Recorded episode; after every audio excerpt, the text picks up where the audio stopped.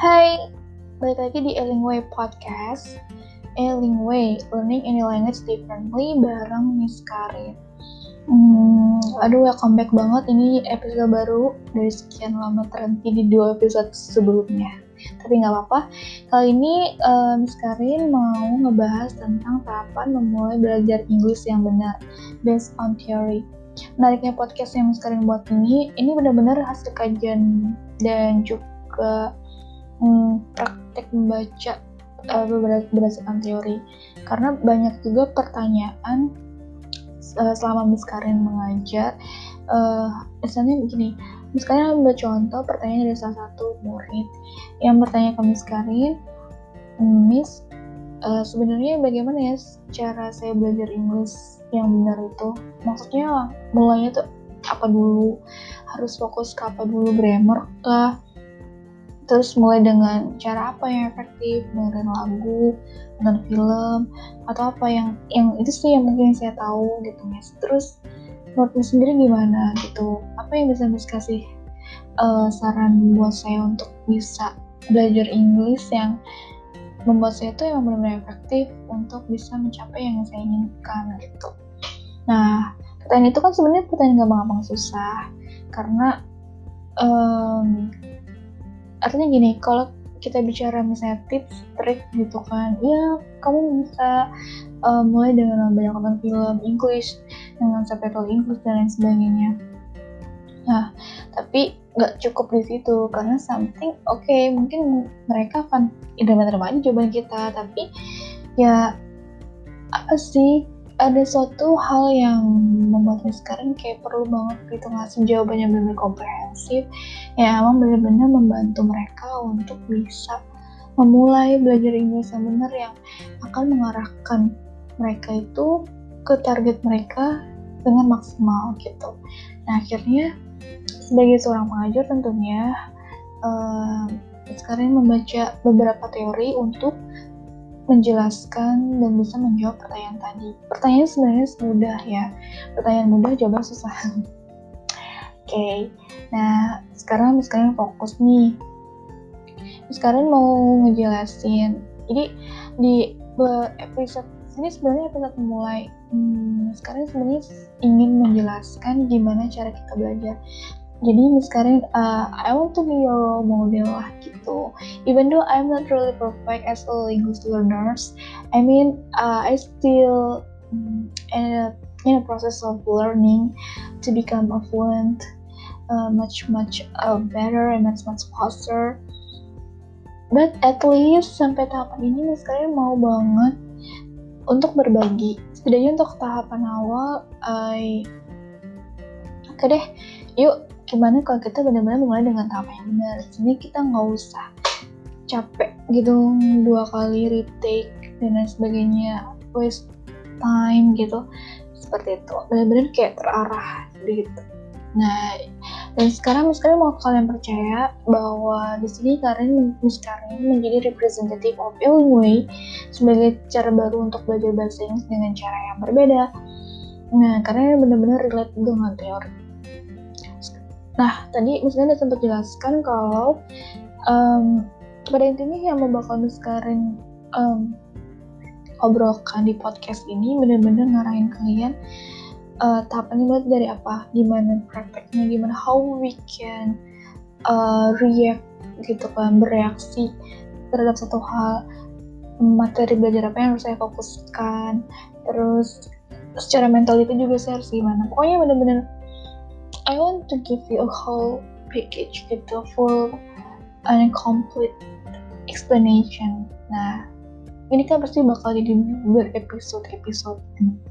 Dan di, di memulai episode ini, sekarang mau jelasin dulu teori yang sekarang pakai untuk menerangkan tahapan memulai belajar Inggris yang benar. Sekarang um, akan menjelaskan teori dari Creation and Terrell tahun 1983. Ini mengenai lima tahapan pemulihan bahasa kedua. Oke, langsung aja ya, sekarang sebutkan. By the way, podcast ini juga didukung oleh uh, postingan Muskari. Jadi nggak usah khawatir kalau memang ada hmm, misalnya ucapan misalnya yang miss gitu kemis um, miskarin kemis itu cuma miskarin yang kurang jelas atau butuh juga data konkretnya. Um, lima tahapan itu seperti apa? Jadi misalnya lengkapin juga dengan tulisan dan misalnya posting bersamaan dengan podcast ini. Ya, langsung stage yang pertama itu pre-production. Uh, karakteristik itu the student has minimal comprehension that's not verbalized kemudian notes yes and no draws and points. Itu karakteristiknya. Jadi di tahapan pre-production ini tahapan awal banget.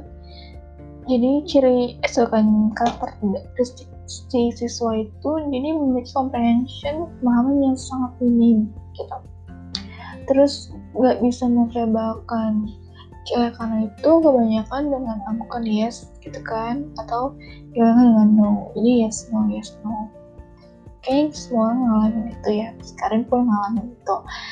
Terus um, ketika mencoba menjawab atau menjelaskan ikut respon bahasa Inggris dalam situasi bahasa Inggris di tahapan pre-production ini kita banyak kayak ngegambar dan memberikan poin-poin. Jadi karena nggak bisa secara complete in sentence we say something.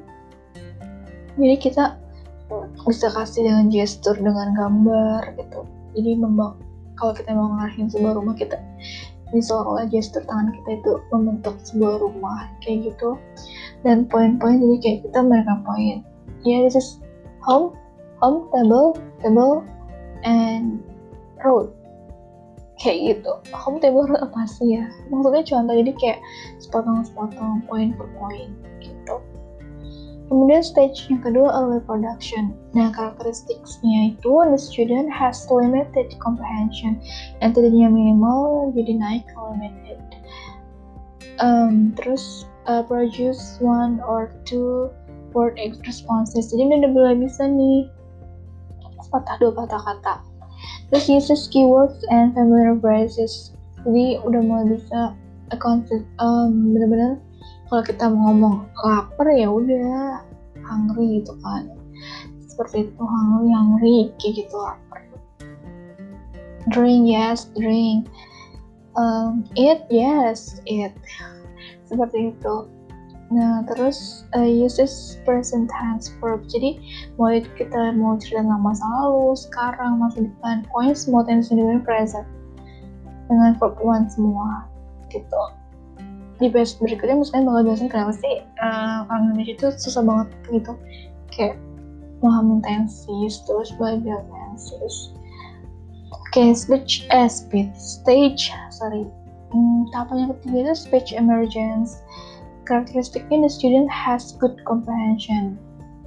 C, jadi dari minimal, kemudian limited, kemudian jadi good.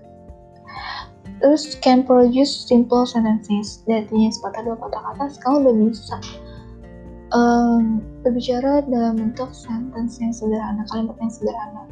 Terus di kalimat sederhana sebenarnya dari subject and verb. Misalnya I eat, you know, I I read gitu misalnya. Um, lagi ya pokoknya subject plus verb itu I read I eat I drink like that I talk um, pokoknya simple sentence. Ada subject dan verb udah mulai meningkat ke sana. Berikutnya next grammar and pronunciation errors. Udah karena emang udah mulai aware sama grammatical dan juga how to pronounce tapi masih ada kesalahan dan ini wajar, tapi udah mulai mengenal grammar dan pronunciation. Kemudian yang berikutnya frequently misunderstands jokes. Nah, di sini karena situasi ini itu ibaratnya lingkungan itu udah udah ada slang, udah ada idiom, mereka udah mendengar slang, idiom. Tapi karena bentuknya nggak literally di mak makna sebenarnya di notasi jadi mereka salah paham gitu. Karena idiom itu kan nggak bisa kita artikan word by word ya seperti misalnya uh, breaking the ice gitu memecahkan es. Ini kalian suka misunderstands. Nah tahapan yang keempat intermediate fluency Karakteristiknya the student has excellent comprehension. Okay. terus yang berikutnya makes few grammatical errors. Ada sedikit kesalahan di grammatical. Karena dia udah mulai aware, dia udah bisa ngeh sama kesalahan dia buat dan dia bisa fix it. Gitu, dia udah bisa memperbaikinya gitu segera gitu uh, ataupun kalau emang nggak bisa nemuin kata yang tepat dia uh, bisa berusaha untuk memadankannya dengan kata lain yang dia tahu tapi dengan makna yang ingin dia yang ingin dia ucapkan. Itu tahapan yang keempat. Tahapan yang terakhir nih yang maksimal adalah advanced fluency of course karakteristiknya itu adalah the student has a near native level of speech. Udah benar-benar artinya uh, kesalahan-kesalahan itu juga bukan kesalahan major, minor.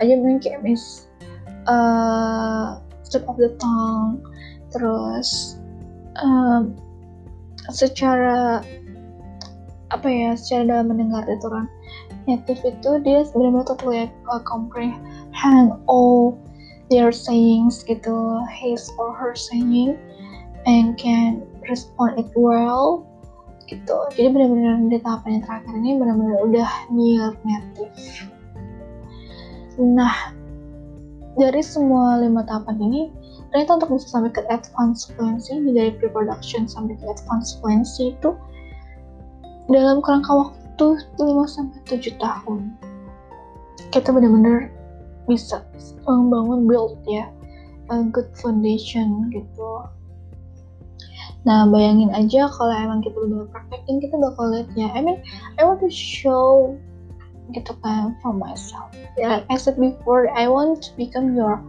model as a representative. Maybe, yeah, I just want to, I just want you to know what my progress, what my progresses are, and then you can learn from it. Gitu. Jadi, sekarang mau mencoba untuk uh, step by step I want to show you the real of my activities all my progress and become in this stage. Nah kalian penasaran gak misalkan kira-kira di stage berapa? Gitu. Even mungkin sekarang belum sampai advance banget sih. But who knows? Kita bareng sama-sama cari tahu di episode-episode berikutnya. Hmm, you can assess myself lah ya. Kalian bisa nilai sekarang sendiri gimana? Achievement achievement apa yang udah um, progress apa yang udah anda sampai sekarang. Oke okay. sebelum kalian tutup this episode um, sekarang mau wrap dulu nih mau sum up mau review juga. Jadi baik lagi untuk tahap tahapan mulai belajar Inggris yang benar itu ada lima tahapan. Dan kita memang benar-benar harus uh, bersabar harus mau menempuh prosesnya gitu. Terus pertanyaannya mas apakah emang harus lima tahun tujuh tahun enggak. Enggak. Ini ber uh, kalau misalnya bilang enggak karena hmm, ada beberapa formulasi yang akan menjadi pendukung dari teori ini. Di gambaran bahwa dalam memulai itu ini loh tahapan yang seharusnya kita laluin. Nggak kita jump gitu dan nggak kita maksa mau langsung speech emergence. Without knowing uh, the first stage reproduction first gitu. Jadi benar-benar kayak uh, establish emang benar-benar build up benar-benar ngebangun sesuatu yang stabil gitu has the stability and balance. So um, kita nggak mudah melakukan kesalahan.